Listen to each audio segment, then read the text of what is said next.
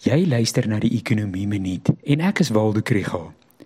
Statistieke Suid-Afrika het gister Maart maand se verbruikersprysindekssyfer bekend gemaak en inflasie het toegeneem vanaf 5,7% in Februarie tot 5,9% in Maart.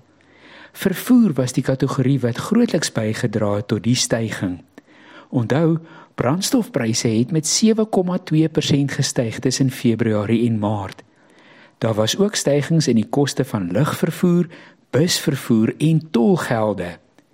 Voedselpryse is die ander belangrike kategorie waar pryse toegeneem het, maar die stygings was teen 'n effens stadiger koers as die afgelope maande. Die pryse van vrugte en groente was effens laer in Maart maand. Die inflasiekoers is nou aan die bokant van die Reserwebank se teikenband en ekonome verwag verdere repo koersstygings.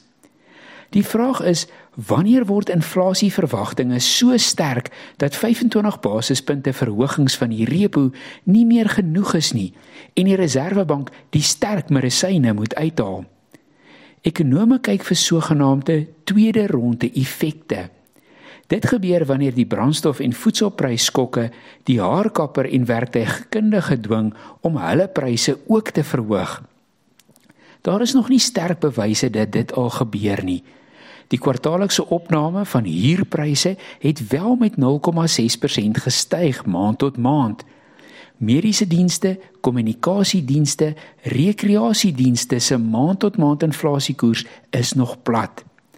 Kerninflasie wat voedsel en brandstof uitsluit, styg wel, maar staan daarom nog op 3,8%. Ek dink nie daardie 50 basispunte repo koersverhogings is al nodig nie, maar die Reserwebank sal verseker ons almal se inflasieverwagtinge dophou.